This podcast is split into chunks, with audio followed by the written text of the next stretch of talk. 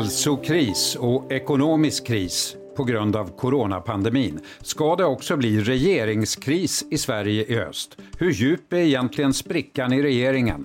Kan Miljöpartiet och Socialdemokraterna samarbeta på ett förtroendefullt sätt? Studio DN idag om det politiska läget i Sverige den ovanliga hösten 2020. Jag heter Lasse Bengtsson.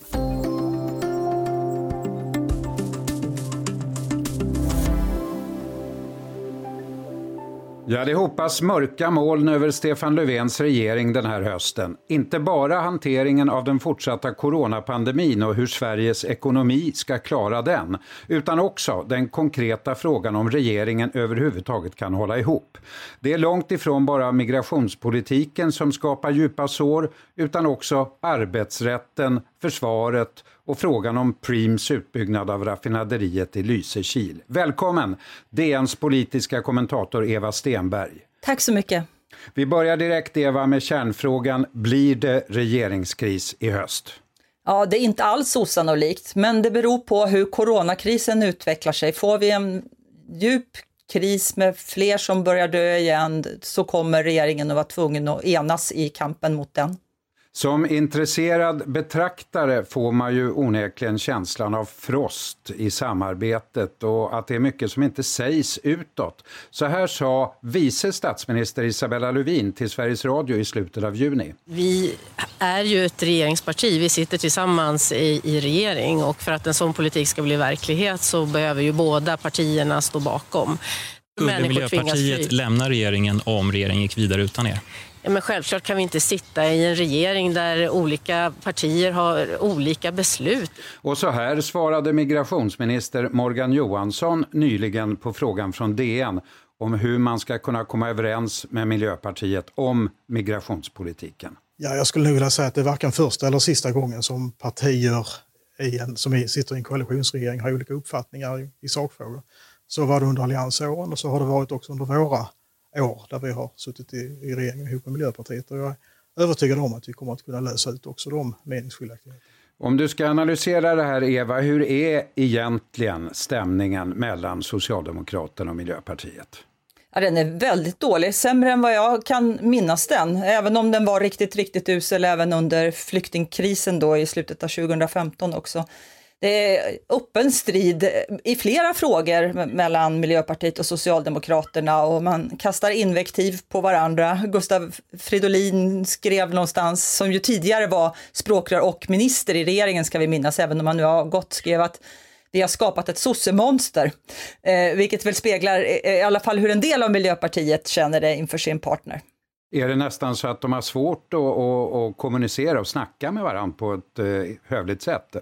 Eh, jag tror att eh, språkrören nog tillhör den mest pragmatiska delen av Miljöpartiet som fortfarande talar med sina kollegor på de andra departementen. Men det är verkligen en hetsk stämning mellan partier och, och, det bubblar upp hela tiden. Det är inte så att de har slutat prata med varandra, men det är sämre än det har varit tidigare. Jag kan inte minnas att det har varit så här dåligt någon gång.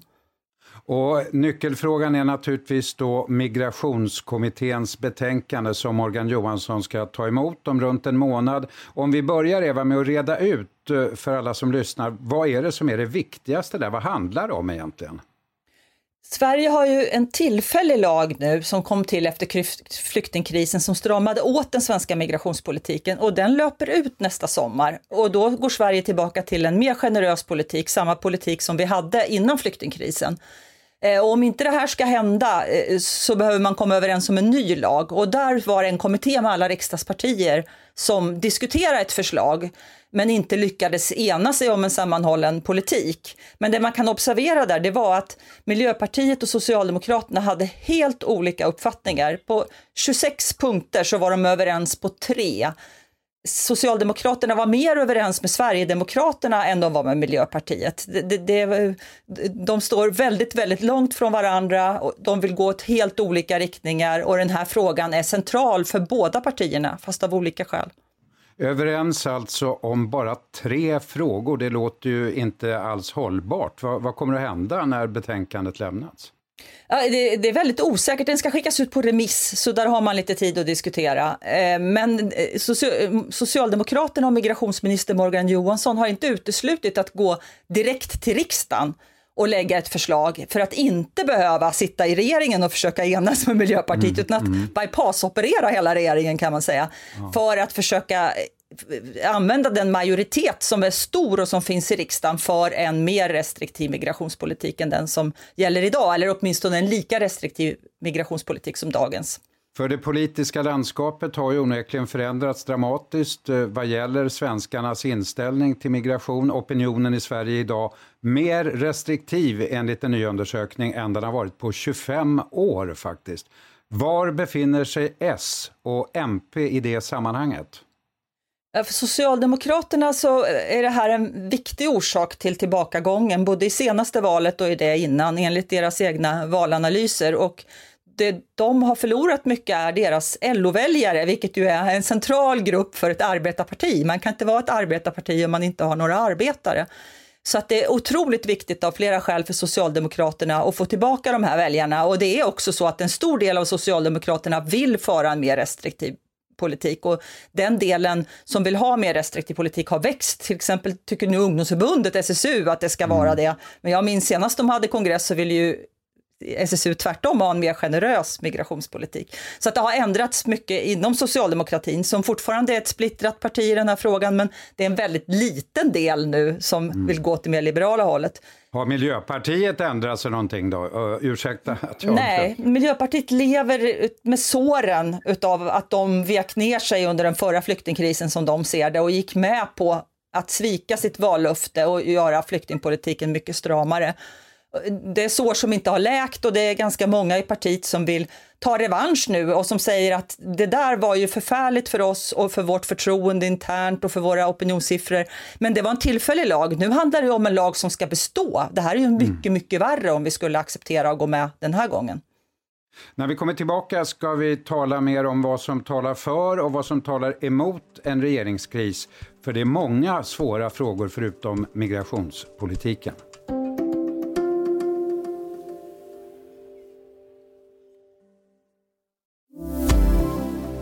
Ja, Eva Stenberg, om vi försöker reda ut vad det är som du sa, att det finns en påtaglig risk för, för regeringskris redan i höst. Vad talar för och vad talar emot en regeringskris?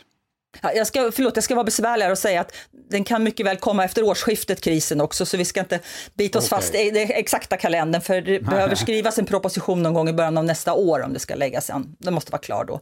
Okay. Eh, men det som talar emot en regeringskris, det är eh, dels om vi har en coronakris som regeringen får hantera. Eh, och sen att Miljöpartiet har ju lovat i eh, förra valrörelsen att sätta klimatet främst. De har sagt att vi har en akut klimatkris och det är nu vi måste göra någonting. Och att de har gjort väldigt bra många klimatåtgärder, säger Miljöpartiet. Och varför skulle man då sluta med det genom att lämna regeringen nu när man har chansen att bidra till en klimatomställning? Mm. Det är en viktig fråga som talar emot. Eh, för Socialdemokraterna talar det naturligtvis emot att äventyra regeringsmakten. De, de, skulle kunna vinna på en sån här ombildning möjligen, men de skulle också kunna förlora mycket och få ett nyval eller en annan regering. Eh, sen är det ju också så, om det nu skulle bli så att det här skulle gå till ett extraval, vilket inte alls är säkert ens om det blir en regeringskris, men om det blir så, om man då är ett parti som ligger långt under 4 spärren så är det klart att sånt måste kännas i magen. Man kan ju falla offer så att säga för sin mm, egen mm. principfasthet och hamna utanför riksdagen till slut. Onekligen. Eh, som eh, vi sa, det är inte bara migrationspolitiken som är svårhanterad för regeringen just nu. Om vi eh, talar då, undrar jag, eh, hur är relationen mellan regeringen och stödpartierna då, Centern och Liberalerna? Ja, Liberalerna är den ju fortsatt skakig ända sedan deras partiledarskifte som i mm. olika intervjuer inte vill svara på hur länge det ska fortsätta egentligen. Hon har gjort uh, uttalanden som får en att le och tänka att hade, eh, hade människor uttalat sig sådär om varannat äktenskap så hade det brustit direkt när hon inte kan svara på om de har kvar relationen imorgon i princip. Eh, så att i Liberalerna måste man säga att det är väldigt skakigt. Centerpartiet har varit betydligt mer nöjd och det kom en stor väljarundersökning nyligen som presenterades som är gjord hösten 2019 och den visar att Socialdemokraterna och Centern nu står mycket närmare varandra än man har gjort på länge. Och eh, det gäller även när, när Annie Lööf kommer tillbaka? Ja, det tror jag absolut. Det finns inte någon skillnad mellan eh, Anders W Jonsson och Annie Lööf i den frågan mm. som jag kan se i alla fall. Eh, efter migrationspolitiken då, om vi talar om andra stötestenar, knäckfrågorna, vilken är den näst svåraste frågan som du ser det? Det finns flera som är svåra. Du räknar ju upp några av dem i början. Vi har arbetsrätten. Det är möjligt att parterna kan lösa den nu genom att förhandla, då är den inte så svår, men hamnar den i knät på januaripartierna så kommer det att bli väldigt svårt. Eh, för det är också en sån här hjärtefråga för Socialdemokraterna och deras LO-väljare. Sen har vi eh, försvarsuppgörelsen där det handlar om pengar på sikt och trovärdighet som också där allianspartierna är ganska samkörda som också kan bli väldigt jobbig. Vi har det här beskedet om Prim. Ska mm. Sverige få, ska det få byggas ett stort eh, oljeraffinaderi som kommer att bidra mycket till de svenska koldioxidutsläppen på västkusten? Eller kommer regeringen att gå in och stoppa det som Miljöpartiet vill? Den ska också avgöras. Och sen har vi en, naturligtvis krisbekämpningen ja. och en budget som ska sättas ihop ja. med skattesänkningar eller skattehöjningar, vilket eh, inte är en, en lätt fråga heller. Det låter som eh, onekligen ovanligt svårt i det här läget. Ja, det, det, det är mycket som är svårt. En regeringskris och nyval det kan ju också innebära en stor risk då som vi sa, eh, till exempel för Miljöpartiet då som riskerar att åka ut till de här. Vilka annars skulle tjäna och vilka förlorar som det ser ut just nu som du ser det? Om det blev en regeringskris nu, eh, till ja. en del beror ju det också på var den mm. här coronakrisen kommer att ta vägen så att säga. Hittills har ju Socialdemokraterna vunnit en del på det, även om den här vinsten har smält ihop lite i de senaste opinionsmätningarna. Eh, men det har ändå varit en möjlighet att få visa regeringsskicklighet så att säga. Skulle det bli en regeringskris på migrationspolitiken så kan man tänka sig att Miljöpartiet, en fråga de kommer att hålla fram handlar om familjeåterförening. Och för Miljöpartiet måste inte 100% av alla väljare stå bakom det, utan det räcker ju för dem att 10% står bakom det eller så för att de ska kunna växa så att säga. Så att det, lite beror det ju på vad man går till val på för frågor och var, varför man spräcker regeringen. Kan Socialdemokraterna stå kvar och verka regeringsskickliga och vilja ha en större migrationspolitik? Det är ju det de vill i en valrörelse så att säga. Mm. Skriver, man skriver ju lite i vatten där vad det är för situation när valet kommer. Nat naturligtvis. Men redan eh, kan man konstatera att det, det, som händer nu eh, bakom det är att det är ett delvis nytt politiskt landskap. Eh, allt fler väljare tycks nu acceptera SD, Sverigedemokraterna, som andra alternativ. Hur bäddar det för nya konstellationer, Eva? Ja, om man tittar på väljarna och den här stora väljarundersökningen som kom nyligen, som gjordes i slutet på hösten då, så eh, kan man se att Moderaterna, Kristdemokraterna och Sverigedemokraterna har kommit mycket närmare varandra. Det gäller både i sakpolitik och när de ska tala om näst bästa parti eh, och, och, tredje bästa parti. Eh, och, eh, tidigare var Moderaterna närmare Centerpartiet men nu är man faktiskt närmare Sverigedemokraterna än, än Centerpartiet då, till exempel. Och Kristdemokraterna och Moderaterna och Sverigedemokraterna ligger i topp både hos KD och Moderaterna. Så att vi är närmare en sån samarbetskonstellation. Sen behöver det inte vara så att alla de här tre partierna skulle kunna sitta i regering tillsammans, men att det ändå kan vara ett block som bär ett, en regering. Avslutningsvis, eh, Eva, eh, går det redan nu att säga någonting om vilket parti som har tjänat mest på coronapandemin, om man får uttrycka sig så cyniskt så att säga? Jag tror egentligen att det är för tidigt att säga, men som det ser ut nu, om vi bara tittar på nu, så har Socialdemokraterna fortfarande tjänat på det och Moderaterna har definitivt gjort det, för de har blivit trovärdigare som oppositionsparti och, och lyckats axla den här oppositionsledarrollen på ett annat sätt än tidigare. Det blir en spännande politisk höst, kanske till och med inte riktigt liknar någon som du har varit med om under din långa karriär, Eva? Nej, det tror jag inte att den kommer att göra. Jag har aldrig varit med om en pandemi i den här storleken eller en ekonomisk kris som varit i närheten av den som många tror vi kommer att få se här närmaste året. Tack för att du var med igen, Eva Stenberg. För ljudillustrationerna idag stod Sveriges Radio och Eva Tedesjö. I Studio DN imorgon analyserar vi Joe Bidens möjligheter att vinna över president Trump i valet i november. Har hans utsikter stärkts eller försämrats efter Demokraternas konvent och att han nu fått lov att börja prata igen? Studio DN görs av producent Sabina Marmelakai, exekutiv producent Augustin Erba, ljudtekniker Patrik Miesenberger och teknik Jonas Lindskog Bauer Media. Jag heter Lasse Bengtsson. Vi hörs!